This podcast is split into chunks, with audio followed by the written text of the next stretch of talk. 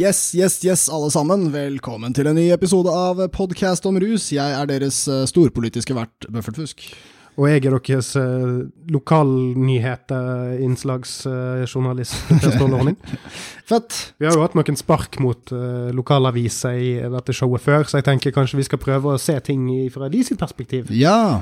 Uh, litt, litt, sånn lettere ukritisk og litt nesegrus for når lensmannen kommer på besøk. Tenk, tenk lokalt, handle globalt. Det har jeg hørt. Ja, og så får vi legge til uh, to ting her. Det, det, ene er at jeg har nå hatt en forkjølelse som har vart i åtte år. Ah, uh, så uh, jeg har jo da vært litt redusert i introduksjonen og sånt. Og mm. de som hører på denne og andre podkaster, vil kanskje registrere at nesen min er litt tettet til. Det er ikke pga. rusmisbruk, det er pga. Mm, mm. snørremisbruk. Ja. og som en forlengelse av det og livets harde tendenser for tiden, så har jeg bare Jeg har ikke fulgt med en dritt, jeg. Jeg har ikke, jeg har ikke skjønt hva som foregår år i det siste i det hele tatt. Og så i tillegg har jeg da greid å glemme eh, laderen til innspillingsutstyret vårt. Så vi er bare nødt til å liksom bli ferdig jævla fort nå, ja. før batteriet mitt ryker. Yes! Ah, godt å ha liksom kniven på strupen. Ja. ja men um... Oppgavsbarberkniv på strupen. Sparekniven. Vi er tilbake med nok en uh, aktuelt episode. Det er jo rett og slett så jævlig mye som skjer, mm. og vi har jo ikke flere 2CB-episoder i oss, som vi har nevnt. Uh, men vi kommer nok kanskje til å ta litt flere temaepisoder igjen uh, etter hvert. Kanskje det. Jeg, jeg, ja, for jeg, det, det, er nostalgien. Ja, jeg også. Jeg, vil sånn tilbake. Jeg drømmer sånn om det er blomsterenger og Vi satt der og bitcha og bitcha. Det skjer så lite i politikken, noen må gjøre noe. Nå er det for mye. Ja. Nå er det rett og slett altfor mye politikk. Ja, vi må ha noen temaer. Ta, ta chill an litt. Bare, bare, ikke gjør noe i et par år, så kan vi finne oss sjøl igjen. Det er, det er, så mye rus for tida! Ja. Er fantastisk situasjon. da. Ja, altså jeg lurer på hva de nerdene som satte seg ned og begynte med denne podkasten i 2014, hadde sagt, når de liksom så på hva de her jævla A4-helvete som har overtatt ja. showet nå. Ikke sant? Ja, det, er jo, det, er jo, sånn at Per Ståle og Beffert, de, de, avgikk jo. De ble jo satt inn i ungdomsanstalt, og så måtte vi ta over. vi, bare, vi er bare veldig, veldig gode stemmeimitatorer. Ikke sant. Erstattet av dobbeltgjengere. Classic. Tilbake, går du tilbake igjen til, til, første episode, så kan du høre det, det, det, helt andre stemmer. Det beviser du. Hvis du bare vet det. Vet ja. hva du skal høre etter. Ja, nei, du Erstattet av dobbeltgjengere er classic konspigreie, og du vet det har skjedd med oss alle som hadde starta en ruspodcast i 2014, de hadde vært fremsynte hvis det var en sånn kommersiell aktør, f.eks. Fy fader, de hadde naila det med timinga i forhold til den politiske utviklinga. Ja, altså, og når denne blir kjøpt opp av, ja. av, for, av f.eks. moderne media eller et eller annet sånt, så ja. blir det jo Mikkel Niva og Vegard Harm. Ja, ja, ja. Det er rart det med ruset. Ja, ja, ja. Det er veldig rart. Oh my god, rus. Det er Vegard Harm. Å, nå skal jeg lede Kvelden før kvelden. Kanskje jeg skal bli litt rusa først? På glede. Det er sånn jeg vil ha NRK, mm. og vi skal bidra til det.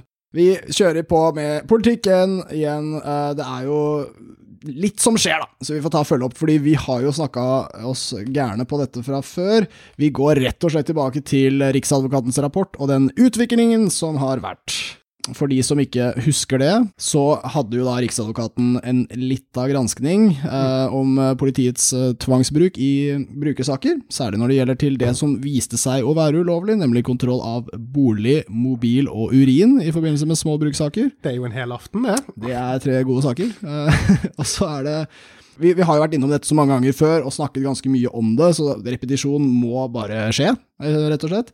Men det som er verdt å nevne her nå, det er jo at i forkant av Riksadvokatens granskning, eh, i forbindelse med noe, noe, andre greier, så klarte da politidirektøren å, å kommentere at hun syntes det var veldig fint at Riksadvokatens granskning ikke viste at det var systematisk overgrep. det sa hun på et tidspunkt som var for tidlig til å vite det. Ja. Um, så var det jo det, da, at uh, det viste seg å stemme. At, uh, at Riksadvokatens rapport totalt mente å vise det.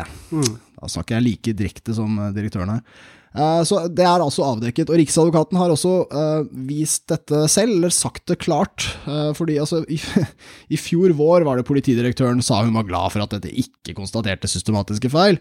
Så Riksadvokaten har jo da gått ut i ettertid og sagt at det viser det.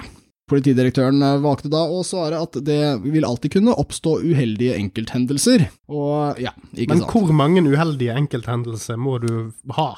Eh, ja. det er litt komisk hvor selvrettferdig politiet er i, i, disse sakene. Det er alltid fremhevet at de gjør så mye bra. Ja. Men altså, hele granskningen handler jo ikke om å skryte, det er jo ikke poenget. Ja, men altså, Jim Jones gjorde jo mye bra i den der eh, selvmordskulten sin før alle tok livet av seg òg. Mye bra. Masse bra. Ja, han bygde, bygde hus. Men av en eller annen grunn så er det ikke det vi fokuserer på, sånn i ettertid. Merkelig, det der. og, og i, i denne sammenheng også så er det Delt ut saft, gjorde han. Ja, det, det, det var faktisk det siste han gjorde. En Ja. Ganske raus type. For med en gang Riksadvokaten konkluderte med at det hadde foregått systematiske overgrep på rusfeltet, det var en gjennomgang av ganske mange saker hvor, eh, eh, som tross alt var et utvalg, likevel så man der at det var en eh, veldig høy representasjon av, av feil, kan vi nok kalle det. Det går utover da, de som har blitt arrestert, og som ofte har blitt behandla veldig dårlig. Så når det først kom ut, da var media på ballen nok en gang. Det var Aftenposten som vi kan nevne der. Vi kan også ta fram Bergens Tidende og Dagbladet, som har vært veldig flinke til å følge opp dette her. Det Aftenposten refererer til òg, er jo at eh, det ble et vannskille, eh, sitat eh, kommentator Slettholm. Da 9. april i fjor så ga Riksadvokaten en klar beskjed om, om dette med at vi skal ikke bruke de metodene på bruk. Over natta så ble antall brukersaker nesten halvert. Og I Aftenpostens kommentar så går vi rett og slett gjennom her og viser da, at nå er det ikke så veldig mange som blir stoppa og, og sjekka og arrestert. Lenger. Eh, Riksadvokaten har jo også i en litt sånn småsyrlig kommentar i sin rapport uh, fulgt opp med å skrive at det ser ut som de store sakene har gått veldig ned også. Det burde jo egentlig ikke ha så veldig sammenheng, men det har det. Nok en gang får vi egentlig bare bekrefte at norsk politi er helt avhengig av å plage brukere for å ta noe som helst. Ser ikke ut som etterretningen på, på store saker går så veldig bra, hvis ikke man kan plage brukerne. Nei, men det ville jo i så fall vært et argument fra politiet sin side som kanskje kunne vært litt vektig da, i denne settingen her. Ja. Altså, ok, vi ser at antall eh, store saker går ned fordi at vi ikke kan følge sporene som vi får tak i med å ransake mobiltelefoner og underbukser. Mm. Um, og jeg, jeg tenker nå mitt at dersom du finner en ledetråd i en underbukse som fører deg til f.eks. en Cappelen, så, så er jo det imponerende, den Det ledetråden, for å si det sånn. Det, det er det, altså. Um, men jeg, jeg tror jo det at altså, det, det er jo tosidig. Det ene er jo det at de har jo bygd en hel kultur på å avdekke Ja. uh, større saker på denne måten. Så det er jo ikke rart at når de først får beskjed om å gjøre det på en annen måte, så vet de ikke helt hva de skal gjøre. Mm, mm. Det er litt i sakens natur. Men det andre er jo at hvor mye av dette her er fordi at de ikke har giddet. Mm. altså, det, hvis du ikke klarer å, å nøste opp store saker fordi at du ikke kan leite i underbukser, f.eks. Mm. Altså, sånn, jeg, jeg nekter å etterforske store narkosaker hvis ikke jeg får lov til å leke nede i en Undik. Det, det står seg ikke helt, syns jeg. Um, Nei. Men, men det er i hvert fall et argument de kunne kjørt, da. Ja. Som kanskje kunne blitt tatt litt seriøst av andre voksne mennesker som ikke oss. Ja, kunne vært. Uh, Og, og for all del, men uh, det er jo veldig få ting som tyder på at det må være sånn, da. Altså, Jf. Cappelen, eksempel. Han ble jo tatt pga. spaning og inkriminering. Mm. Det var vel ikke gatesalg som felte han. Nei, det var det ikke, ass. Ja, og sånn sett så, så har, har politiet, eller vi kan vel peke på NNPF eller direktoratet, men har malt seg litt opp i et hjørne. Det har blitt en slags eh, floke der, eh, som også Stortinget har bidratt veldig mye til å skape. Eh, Aftenpostens kommentator skriver at eh, Stortinget har egentlig mista kontrollen med narkotikapolitikken. Nå er det Riksadvokaten og domstolene som driver frem endringer. De, eh, han kaller det for en reform, eh, som for så vidt er riktig. Ikke en avkriminalisering, men det er en reform. Og eh, det at eh, altså, domstolene rydder opp i rotet Stortinget har skapt, skriver Slettholm, og Riksadvokaten rydder opp i den ulovlige praksisen. Men det at Stortinget har mistet kontroll, det var det tydeligvis noen som syntes var litt grann kjipt, for da gikk jo senere SV ut og krevde at Justisdepartementet må si unnskyld. Det var da Andreas Skjalg Underland fra SV 17. mars som konkluderte med det, og påpeker også det at det er litt rart det ikke er flere justispolitikere som har kommet på banen. Mm. Det rekommenderes også av leder av Juristforbundet eh, Stat, Sverre Bromander. Men eh, du verden, hvor det plutselig kom en Mr. unnskyldning. Bromander. Mr. Bro. Bro-man. Ja. Mye mann der. Eh, men det kom altså en unnskyldning. Eh, og den unnskyldningen eh, er jo den beste russfeltets brukere har fått, siden uh, Nicolai Wilkinson gikk opp på talerstolen og sa unnskyld på vegne av SV, som hadde sittet i regjering og latt det skje. Derfor var også SV på ballen nå for å kreve en ny, for de er ikke i regjering lenger. Eh, og da fikk, eh, holdt på å si vi, eh, rusfolka, fikk en liten unnskyldning. Det gjelder heldigvis ikke redaksjonen, som har eh, eh, ballene intakt, eh, Mm. utenom kontroll. Ballene forblir uløftet. Uløftet. Uten samtykke. ja, ja, nei, det, det løftes. Mm. Eh, Så lenge den ikke deles. Uh, og I en sak fra Dagbladet så er det altså en unnskyldning, og der står det 'Departementet kolon beklager'. Deilig flott, stort bilde av vår ganske så unge justisminister, justis- og beredskapsminister Emilie Enger Mehl. Uh, så jeg håpet jo, da, ikke sant, her er unnskyldningen fra Mehl, men nei, var ikke helt det. Det var ikke helt rent mel i posen. Nei, det ble, det ble en lita itsø i stedet. Klarer vi å gjøre noe på den? Nei. Eh, it's not a big deal. It's Ja, det Jeg tar den, altså. It's, uh, It's a very me. sad. It's a me, Mario. Så um, det er altså statssekretær Erik Sandsmark Itzøe fra Senterpartiet, som da er statssekretær for uh, justis- og beredskapsminister Mehl, som uh, Jeg skulle liksom ønske at det var en slags Justisdepartementet beklager på, til alle rusbrukere, at det var en sånn god setning der, litt sånn kjøtt på beinet. Det vi får, er dette.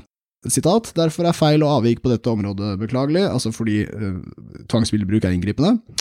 Det er derfor beklagelig når feil skjer, og jeg beklager overfor de som har vært utsatt for feil. Ja.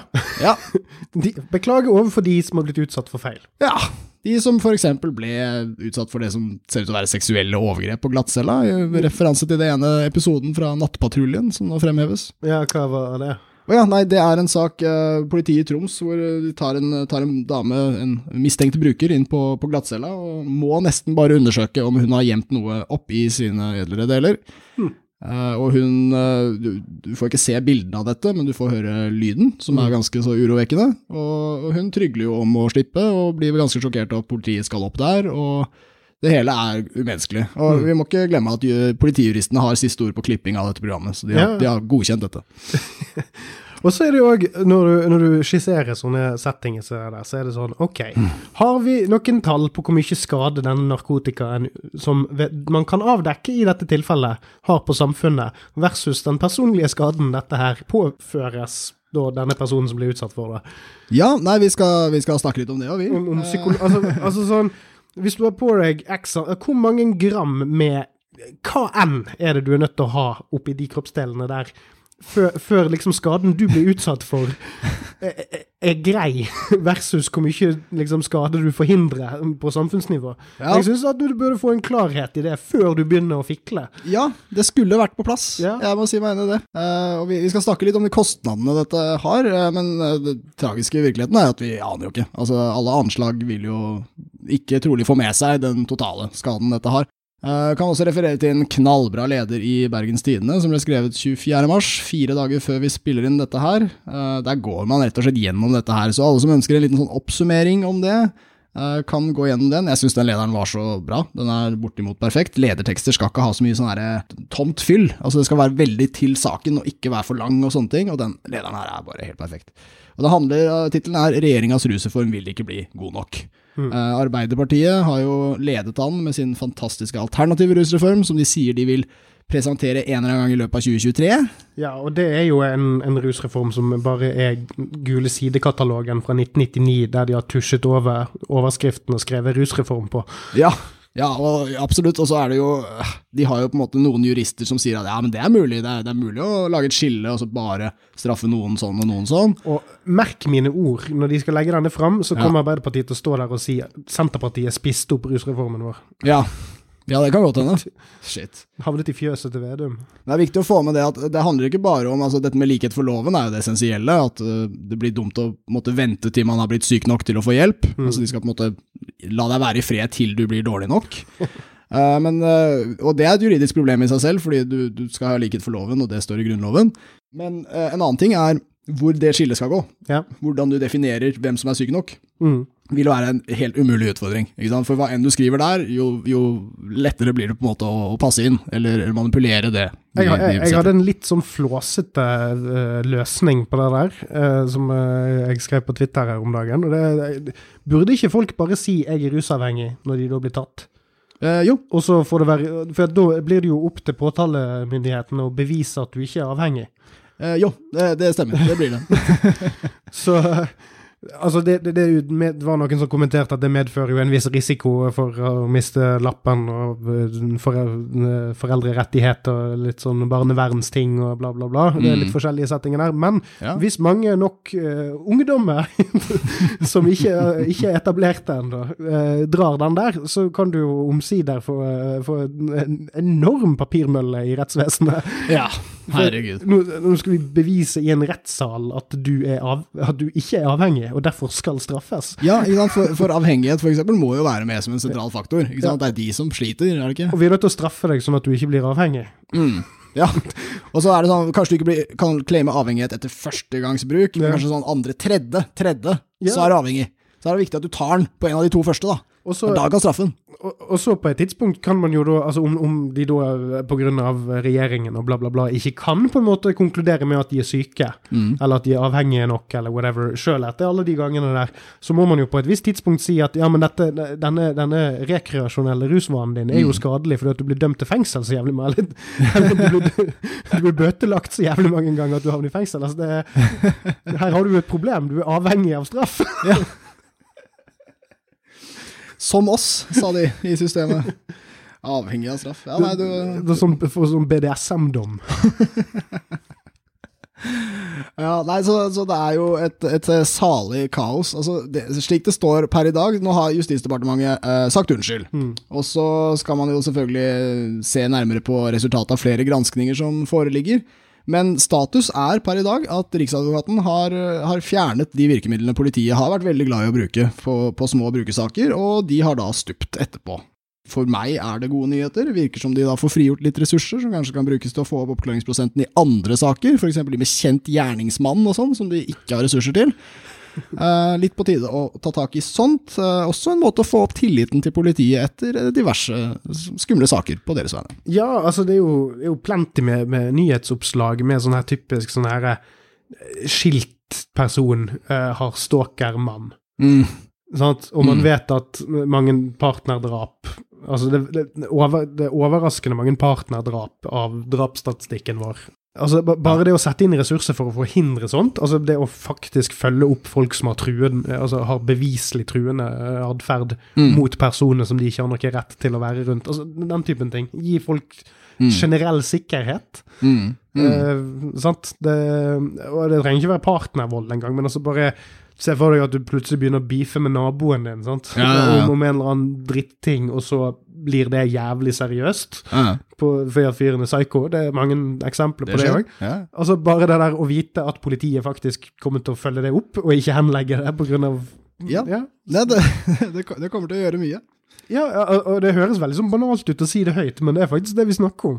Ja, det, det er det. Ja. Altså, det. Det finnes ikke offisielt i tekstform, dessverre, men det er ganske kjent og sitert at uh, en riksadvokat jeg hadde for to riksadvokater siden, uh, Georg Riiber Moen, han ga politiet en sånn uh, prioriteringsrekkefølge, hvor det eneste som skulle prioriteres over narkotikasaker, merk at det er alle narkosaker, det var eh, grove altså drap, eh, grove voldssaker, grove sedelighetssaker og brannstiftelse. Okay. Det er de fire. Men det er verdt å merke seg at det er grov på både vold og sedelighet, så hvis du har en litt mildere voldssak, mildere sedelighetssak, så kommer det under narkotika, mm. som da er at enhver hasjrøyker er billigere enn å bli f.eks. slått ned på byen, eller sovevoldtekter, et eller annet sånn litt mildere type sedelighetsforbindelse. Jeg vet ikke om det er en mil en, eh, men det var mitt forslag. Nei, det er jo en stor debatt, akkurat det, ja. siste eksempelet. Nei, uh, mild sedelighetsforbrytelse, klapsa på rumpa. Men det er i hvert fall narkotika blir prioritert over alt av det, mm. og det, det, er jo helt hårreisende. Det som er interessant med, med Riksadvokatens presisering, er jo at det er faktisk en måte å endre på denne prioriteringsrekkefølgen. Mm. For politiet har jo ikke så mange narkosaker å ta når de ikke får tatt brukerne. Nei. Så da kan de jo ikke prioriteres heller, ikke sant. Når, når, når brukeren bare må få gå mm. hele tiden, så, så blir det jo ikke så lang sak, da. Da kan du gå videre til neste sak. Kanskje ta den der kjente gjerningsmannen, f.eks. uh, eh, men vi må ta det som var et uh, strålende forslag fra Martinussen. Og da er vi plutselig blitt podkast om juss igjen. Uh, men sant, etter at Justisdepartementet valgte å beklage tvangsbruken i mindre narkotikasaker, så mener Martinussen at reglene for ulovlig ervervede bevis bør endres. Mm. Og Dette er en ting jeg har hørt folk snakke om før, og det er at i, i USA der er det nemlig sånn at hvis noen har hentet inn bevisene ulovlig, mm. så teller det ikke i retten. Og Det betyr at du kan sitte på telefon og si 'jeg gjorde det, jeg er den skyldige, det var meg, jeg digget å gjøre det, ha-ha'. Uh, men hvis de avlytta deg feil, eller de hadde ikke rettens godkjenning, mm. spiller ingen rolle i retten. Det, de hørte det ikke. La-la-la-la, ulovlig. Uh, og det er jo stilig. Uh, det, det, har medført en del uh, teite frifinnelser. Fristende å si sånn OJ eller noe sånt. Der var det ikke ulovlige beviser, men, men noen beviser hadde funka bedre enn andre hvis mm. det var norske regler der. Og i Norge så er det altså ikke sånn. I Norge så kan påtalemyndigheten føre bevis for retten selv om de er ulovlig innhentet. Og det er jo uh, noe som gjør at norsk politi kanskje ber om uh, tilgivelse mer enn tillatelse, da, mm. når det kommer til innhenting av bevis. Det Martinussen sier, er at man bør vurdere å endre dette. Uh, han er jo kjent fra debatten, men det er brukersaker han vil ha dette, denne endringen på, altså på små saker der politiet mistenker påvirkning av narkotika. Det Martinussen sier er bevisfrihet, som dette heter i jussen, er viktig, for det kan være svært støtende om gjerningspersoner som åpenbart er skyldige, går fri som følge av tekniske feil hos politiet. Bevisfrihet betyr altså at politiet kan da bruke ulovlig innhentede bevis. Eh, men så fortsetter Martinussen. På den annen side er det nesten like støtende at politiet i småsaker bryter reglene rutinemessig og systematisk uten at det får konsekvenser. Uh, og det Martinussen ser for seg, er en regel som forbyr uh, bruk av ulovlig innhentede bevis i straffesaker med mindre enn ett års strafferamme. Ja, det høres jo rett og rimelig ut, det. Ja, jeg syns også den er uh, ganske så solid. Ja, for der kommer liksom det der regnestykket inn igjen med hvor mye er det du Hvor mye ressurser og på en måte vold er det du utsetter noen for for å forhindre noe mm. annet. Der kan det jo kanskje være noen gradsforskjeller. Da. Det er jo kanskje en, en viss Ja, altså vold og en del sånne ting er jo Mm. Litt, altså, men, men, det, mm. men, der er ikke det politiet som etterforsker på den måten, f.eks. Altså, I voldssaker så er det jo vitnesbyrd og, og, alt mulig andre sånne ting. Ja, det blir litt annerledes. Ja, ja for at mm. det, det, politiet går ikke inn i leilighetene til en fyr som er tiltalt for blind vold.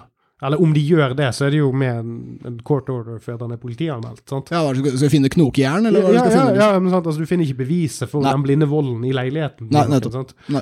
Den beviset der er hvis noen har filmet det med en mobiltelefon, og det er jo fullt lovlig. og sant, altså sånn, Det er mange typer beviser du kan putte inn i retten der, ah, ja, som ikke har noe med dette å gjøre. Mm. Så det er, jo, det er, jo, helt konkret inn mot denne typen krim dette her er mest relevant for. Mm.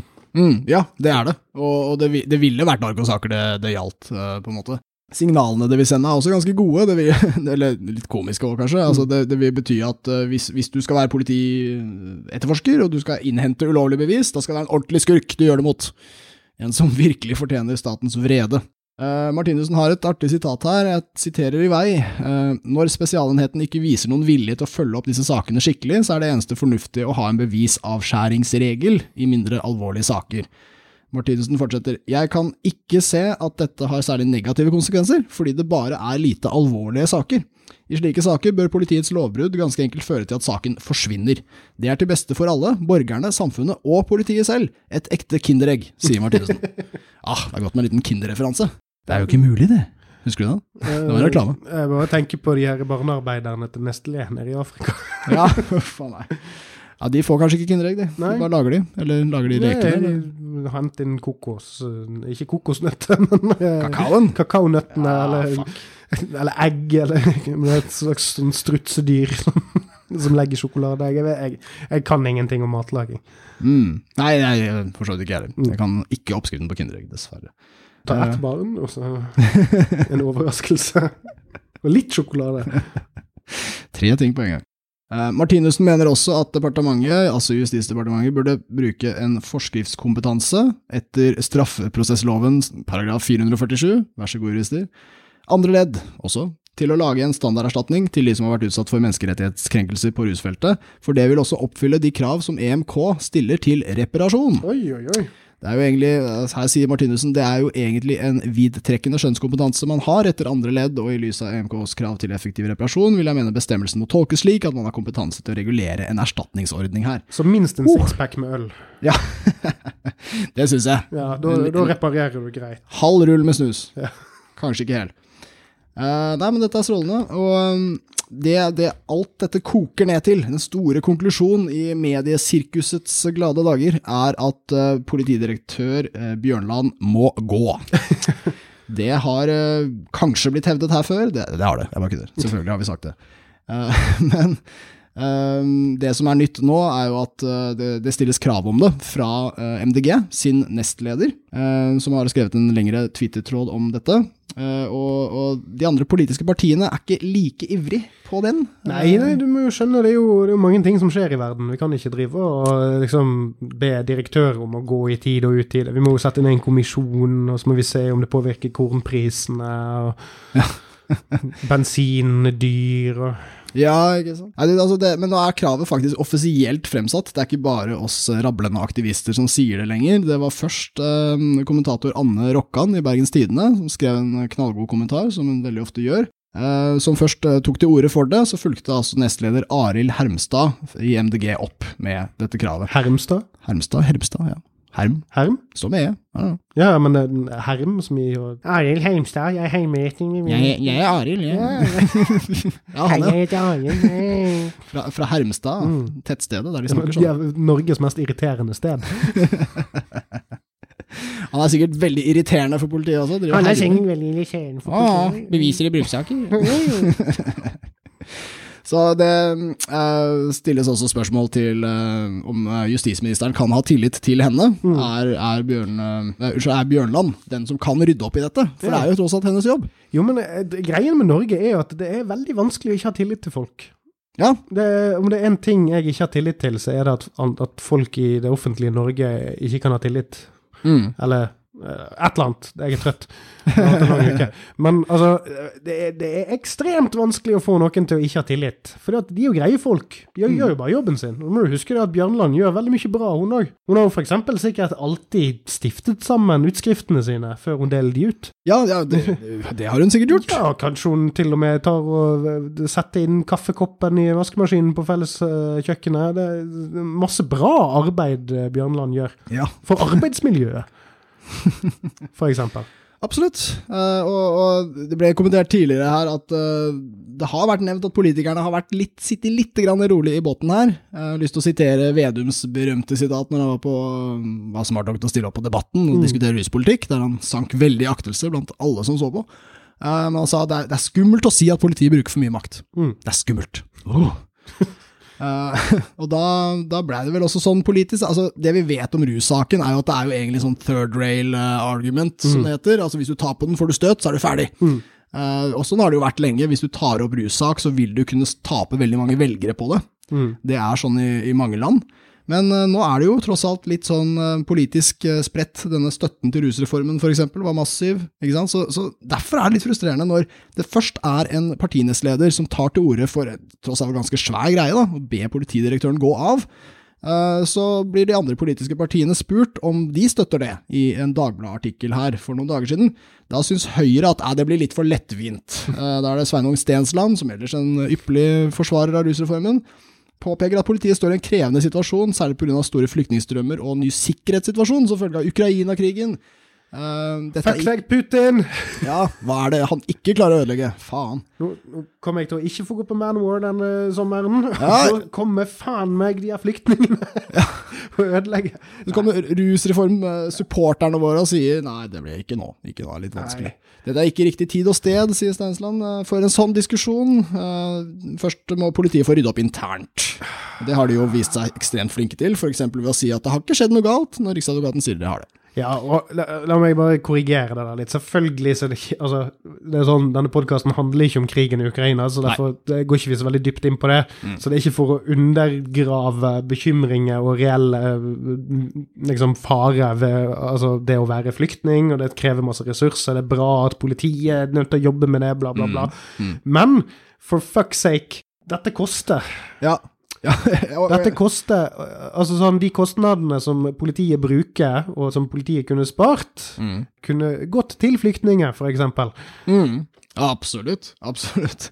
Og så er det også det med altså, eh, det, det, impliseres på en måte her at hvis Politidirektoratet skulle bytte direktør akkurat nå, så ville det på en eller annen måte svekke dem i arbeidet med flyktninger og sånn. Jeg, jeg, vet ikke det. Uh, om, deres, om, de er så viktige for landets sikkerhetspolitikk at Norge er mindre trygt nå pga. Putin, liksom. Ja, ja og, så ikke, og, så er det jo ikke, sånn at hvis Bjørnland ble erstattet med noen andre, så hadde politiet bare sluttet å fungere. Nei, det... For hvis, hvis, det er tilfellet, så har vi langt større problemer enn en inkompetent Ja. politidirektør. tenker jeg òg. Det er jo rent symbolsk, egentlig, det vi ber om her. Ja. Uh, Venstre uh, vil heller ikke stille seg bak MDG sitt krav. Uh, får stå for hennes regning, sier justispolitisk talsperson Ing Ingvild Wetterhus Thorsvik, som ellers har vært veldig aktiv i uh, å stille spørsmål om, om tvangsbruken, og også kritisk til NNPF. Men det mener altså ikke at vi skal kreve det.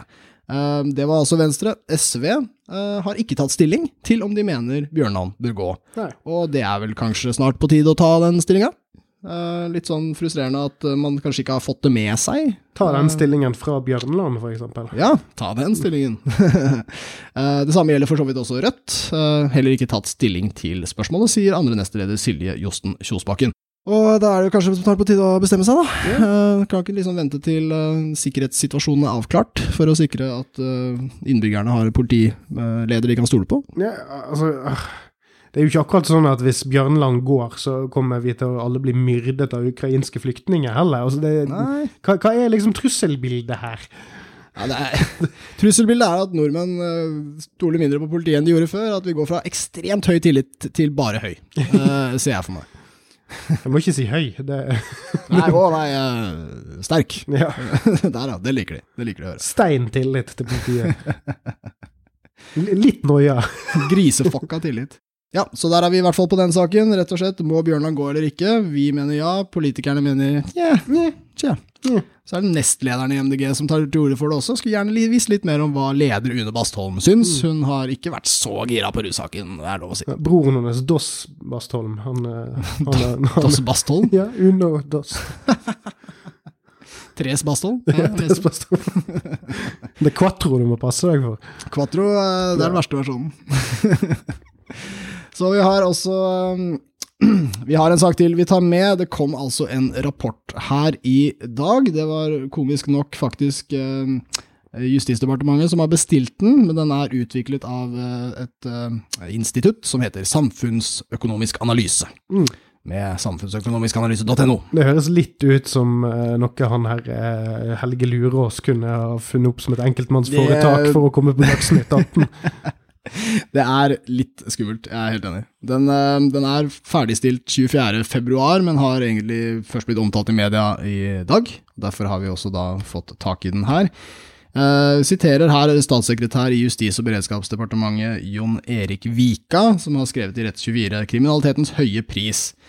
Kostnadene av kriminalitet totalt for 2019, og da snakker vi om eh, de samfunnsøkonomiske kostnadene alle sammen. Eh, hvordan det påvirker folk mentalt, hvordan de da klarer ikke å jobbe, f.eks. 144 milliarder kroner var 2019 hva kriminalitet kosta oss som samfunn. Jævla høyt beløp.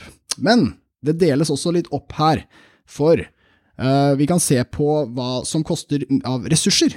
Og da snakker vi om offentlige ressurser. Uh, på russaker, eller rusmiddellovbrudd, som det er kalt i artikkelen, så gjelder jo det rett og slett uh, juss. Det handler jo rett og slett om hvor mye ressurser som brukes til å etterforske, arrestere, ta ut tiltale, domstolene osv. Vi har også et annet tall for hvor mye narkotika og rusbruk skader samfunnet som helhet, men her er altså tallet kun på forvaltning og ressurser. Der er det altså 6,5 milliarder kroner det koster Norge hvert år å slåss mot narkotika via politi og domstol. Og da har vi jo regnet litt på det. Ja, altså jeg må jo bare si at det tallet i utgangspunktet er sjokkerende høyt, men eh, hvis vi tar daglig, da, så er det altså 17,8 millioner kroner vi bruker hver dag på å slåss mot narkotika i dette landet. Ja, hvor mange trehytter kunne du bygd for det? Ja, ikke sant? Uh, nei, de, hva koster en god trehytte disse dager? Nei, nei, jeg vet ikke, jeg. Planke på uh, Byggmax, og så spiker. Kanskje vi skal se vekk fra leiepris, da, men uh, jeg, jeg ser for meg at vi kunne bygd noen mektige trehytter. Absolutt. Og jeg, og jeg må igjen understreke at dette er bare ressursbruken uh, for, å, for å ta folk. Altså Mm. for, for å håndtere problemet med narkotika i samfunnet. Ja, og nå, nå er jo da regnekunnskapene mine litt dårlige. Men sånn, sånn grov hoderegning tilsvarer jo at hvis du eksempel skulle bygge sykehus, Mhm. eh, så ville jo dette tilsvart årlig at vi kunne bygd 108 333,33 kvadratmeter Ja. sykehus. Og det er basert på den høyeste prisen Ja. eh, det, eh, som brukes når man bygger sykehus. Ja, så vi må jo da regne med at det da er liksom 108 000 kvadratmeter med sånn radiologi Mm. og, og MR-maskiner, og det, det, så langt øyet kan se. Ja, vi, og vi, det, det må det være. Og vi har også, altså, jeg regner med at det er inkludert. Um, I den artikkelen her så er det også et, eh, en Nordfløy som åpna på nytt sykehus i Asker og Bærum. Den var på 13 000 kvadratmeter. Uh, og hvis vi da ser på vårt uh, ganske så svære tall her, ja, nei, det blir fort en uh, ti fløyer i året, det, gitt. Mm. Sånn omtrent. Eh, sto, ja, det, ni gode fløyer. ja, det er jævlig bra med fløy. Vi fant jo også ut at Kunne eh, bygd et fløyfjell til i Bergen. ah, en, en, ah, det hadde jeg elsket. En, en fløy nummer to. Mm. Eh, men eh, vi fant også ut at operaen i Oslo kosta 4,2 milliarder, så vi kunne også bygd oss halvannen opera i året. Ja, I dette det landet. Nå må vi jo regne med at det har vært litt inflasjon, da, så kan, vi vi kan kanskje Mm. justere oss til 1,2. Ja, og det er også jævlig dyrt å drifte der operaen, så det, er sånn, det koster noen milliarder i året og sånn. Jo, jo, men, men vi, vi trenger jo ikke å, å bygge de operaene sånn, i det evige. Vi kan jo slutte på et tidspunkt og så bare bruke driftsmidlene til å vedlikeholde. Poeng, poeng. Vi Der kunne- ser vi hvor vi kunne vært hvis ikke vi hadde hatt forbudt narkotika i Norge. Vi hadde hatt operaer overalt. Vi hadde vært kjempekultiverte. Jeg kunne bygd en, en, en, en Bjørvika-opera på Finnmarksvidden og bare satt, satt av hundrevis av millioner til å eh, liksom jage samer og, og reinsdyr vekk. Ikke sant? Ikke sa Nei, nei, vi skulle ikke jage det. Nei, nei, nei. Det skulle vi selvfølgelig ikke. Nei. Eh, en, jeg må også ta det andre tallet med, altså fordi uh, det som er kanskje mer relevant å se på vi, vi er jo veldig opptatt av politiet og hvordan politikken er dårlig og burde vært bra, men uh, hvis vi ser på den totale kostnaden narkotika- eller rusmiddelbruk har på samfunnet, eh, pro, disse problemene, så er det tallet mye høyere. Altså Samfunnskostnaden for ofrene, og det blir da eh, brukerne, eh, og det blir pårørende og, og lignende, det er snakk om da helse- og produksjonstap, eh, altså helseproblemer de får som koster penger, produksjonstap i den forstand de ikke kan jobbe, men også behandlingskostnadene. Vi må jo huske at vi har en veldig stor bransje knytta til det, eh, og rett og slett behandle folk for rusproblemer. Men det totale i eh, 2019 eh, kommer anslaget til 35 milliarder kroner, Helvete. som er skyhøyt, eh, og dette er jo eh, på en måte et, et uttrykk for at eh, rus er et stort problem for samfunnet. Vanskelig å håndtere uansett hva slags politikk man har. Men eh, vi er jo også av den forståelsen i vår redaksjon at den politikken vi har er skademaksimerende. Sånn at eh, det tallet også trolig ville gått ned idet vi endret ruspolitikken til det bedre. Ja, da går det rett inn i operabudsjettet. Ja. Rett tilbake der. Jeg må, jeg må også ta med uh, sitat fra rapporten, som jeg syns var litt uh, kult. Uh, det er jo, Jeg ser jo for meg at de som har skrevet dette, er sånn syr, altså, voldsomt tørre samfunnsøkonomer, Mm. Som kanskje ikke føler noe som helst. Ja, Hvis du Eh, klapper dem på ryggen, så er det en sånn støvsky. ja, men de bryr seg om samfunnet. Så det er litt mindre støvete enn de andre økonomene, men fortsatt støvete. De, de, de feies over en gang iblant. Ja, ja, de får seg noe. Kvartalsmessig. en gang i kvartalet. når budsjettet tillater. Uh, det, er, det, det det står her uh, Dette er igjen, da er vi tilbake på tallene om uh, ressursbruk uh, i, i, um, det på det laveste tallet, 6 milliarder. Det, det som står i rapporten er følgende, sitat, Det er videre viktig å bemerke at den registrerte ressursbruken følger av hvilke type oppgaver som til enhver tid prioriteres, og hva som oppdages og anmeldes. Eksempelvis er antall anmeldte rusmiddellovbrudd i stor grad påvirket av politiets prioritering av disse lovbruddene, fordi det er hovedsakelig politiet som anmelder rusmiddellovbrudd. Så hvis politiet hadde nedprioritert narkotika, Oi! så hadde vi allerede sett det tallet langt, langt lavere. Det er jo nesten som om det er en rød tråd her. Ja. Er, som sagt, eh, folkens, eh, 6,5 milliarder kroner i året, 17,8 millioner kroner hver dag, kunne vi fått ned ganske dramatisk hvis prioriteringen ble annerledes. Og det har de jo for så vidt blitt. Vi må ikke glemme at disse tallene er fra 2019, men fra april i år så har jo antall brukersaker stupt. Så det blir veldig spennende. April i fjor. April i fjor. Ser man det? Tida flyr, ass. Takk. Bra korreks. Eh, Så, så det tallet vil trolig gå ned bare der, da. Selv om vi egentlig ikke har endra ruspolitikken. Bare fordi Riksadvokaten har tatt grep, så kan det tallet der eh, stupe ganske mye. Og har vi fått noen problemer i samfunnet som følge av det? Har disse, det at disse slampete småbrukerne går fri, har, har, har det rakna? Ja, men vi får jo se, da. Jeg har jo påpekt før at det kan jo fort hende at det sitter en eller annen vriompeis og skal prøve å si at dette har noe med korona å gjøre i tillegg. sant? Vi, det er Problemet nå er jo at vi er nødt til å, nå må vi ta enda et år før vi med åpning, forutsatt at det ikke kommer flere varianter og at vi ikke blir nuket. Ja, ja, ja. Nei, men det Det var jo 2019, da. Det var, var kanskje ikke så mye korona da. Ja, det er jævlig kjipt om vi trenger en atomkrig for å få avkriminalisert hasj her i landet.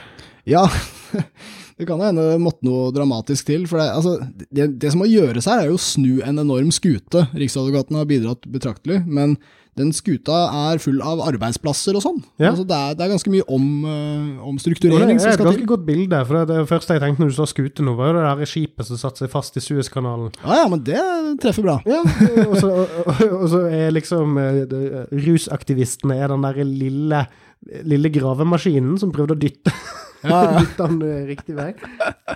Ja, jeg, jeg, liker også, Det første jeg tenkte på med den, var at det er på en måte Arbeiderpartiets ruspolitikk som er på vei gjennom Suezkanalen. Og, så- og så bare sånn Vent, da! vent da, Vi, vi snur. Eh, vi bytter. Uh, vi, har, vi har en plan. Vi, yeah. vi, fikser det. Vi, vi kan differensiere. Uh, bare straff til de, de unge og sånn. Og så ble båten stuck. Og, og der har den vært siden, og nå skal de altså legge det fram i 2023. Når vi har fått båten ut på der- feil side. Da, da kommer den til å ha noe voldsomt spennende varer med seg, skal du se. Not. Alle varene har ramlet på sjøen. De er fuktskada. Ja. gamle varer, gamle ideer som vi, vi Det henges til, henges til tørk ved siden av de her spekeskinkene til Vedum.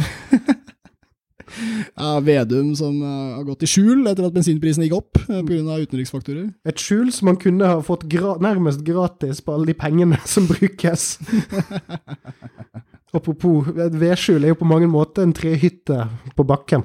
Absolutt. Veldig Senterpartiet å gjemme seg i skjul. Uh, ja, nei, men der har vi det, folkens. Altså En liten tankevekker fra regjeringen selv. Uh, veldig morsomt å se. altså jo, Den rapporten handler jo om hva ting koster uh, offentlig. Vi har en veldig stor stat i Norge som vi betaler masse masse penger til, og som fikser masse masse for oss. Men akkurat det her med at eh, de har hengt seg fullstendig opp i prioritering av narkosaker, eh, det tror jeg vi alle kan la oss sjokkere litt av, selv om du er en gammel tante som hører på oss fra bygda, og du hater hasjrøykere og skulle ønske de ble tatt mer. Hei, Borgny. Så, hei, Borgny. Så er det klart du heller ville hatt eh, halvannen opera i året. Eller, eller sykehus, eller eldreomsorg, eller bare bruk de eksemplene som treffer hjerterota mest hos Borgny. Det er, er, er det så viktig å ta hasjrøykerne? At du ikke f.eks. for eksempel skal ha en litt chill mat på gamlehjemmet? Jeg kan, kan dra så mange eksempler. Altså, For 17 millioner kroner om dagen, det er ganske mange røstipoteter til Borgny og uh, Borghild. Det er indrefilet hver dag, det. ja, men det er fint, fint å få disse tallene. Fint at rus uh, på en måte har fått en stor plass i rapporten, uh, men det er også helt uunngåelig. 2014 var det første året hvor uh, antall saker i norsk rettsvesen som, som involverte rus, gikk over 50% Så det er jo ikke tvil om at denne prioriteringen har vært skyhøy. Og jeg må jo igjen understreke resultatene, som vi gjerne gjør. Norge målte den høyeste forekomsten av overdosedødsfall på 20 år i fjor. Ikke så mange har dødd siden rekordåret 2001. Eh, Vi har økning i bruk, vi har rene rusmidler til salgs overalt, og de er ikke spesielt dyre.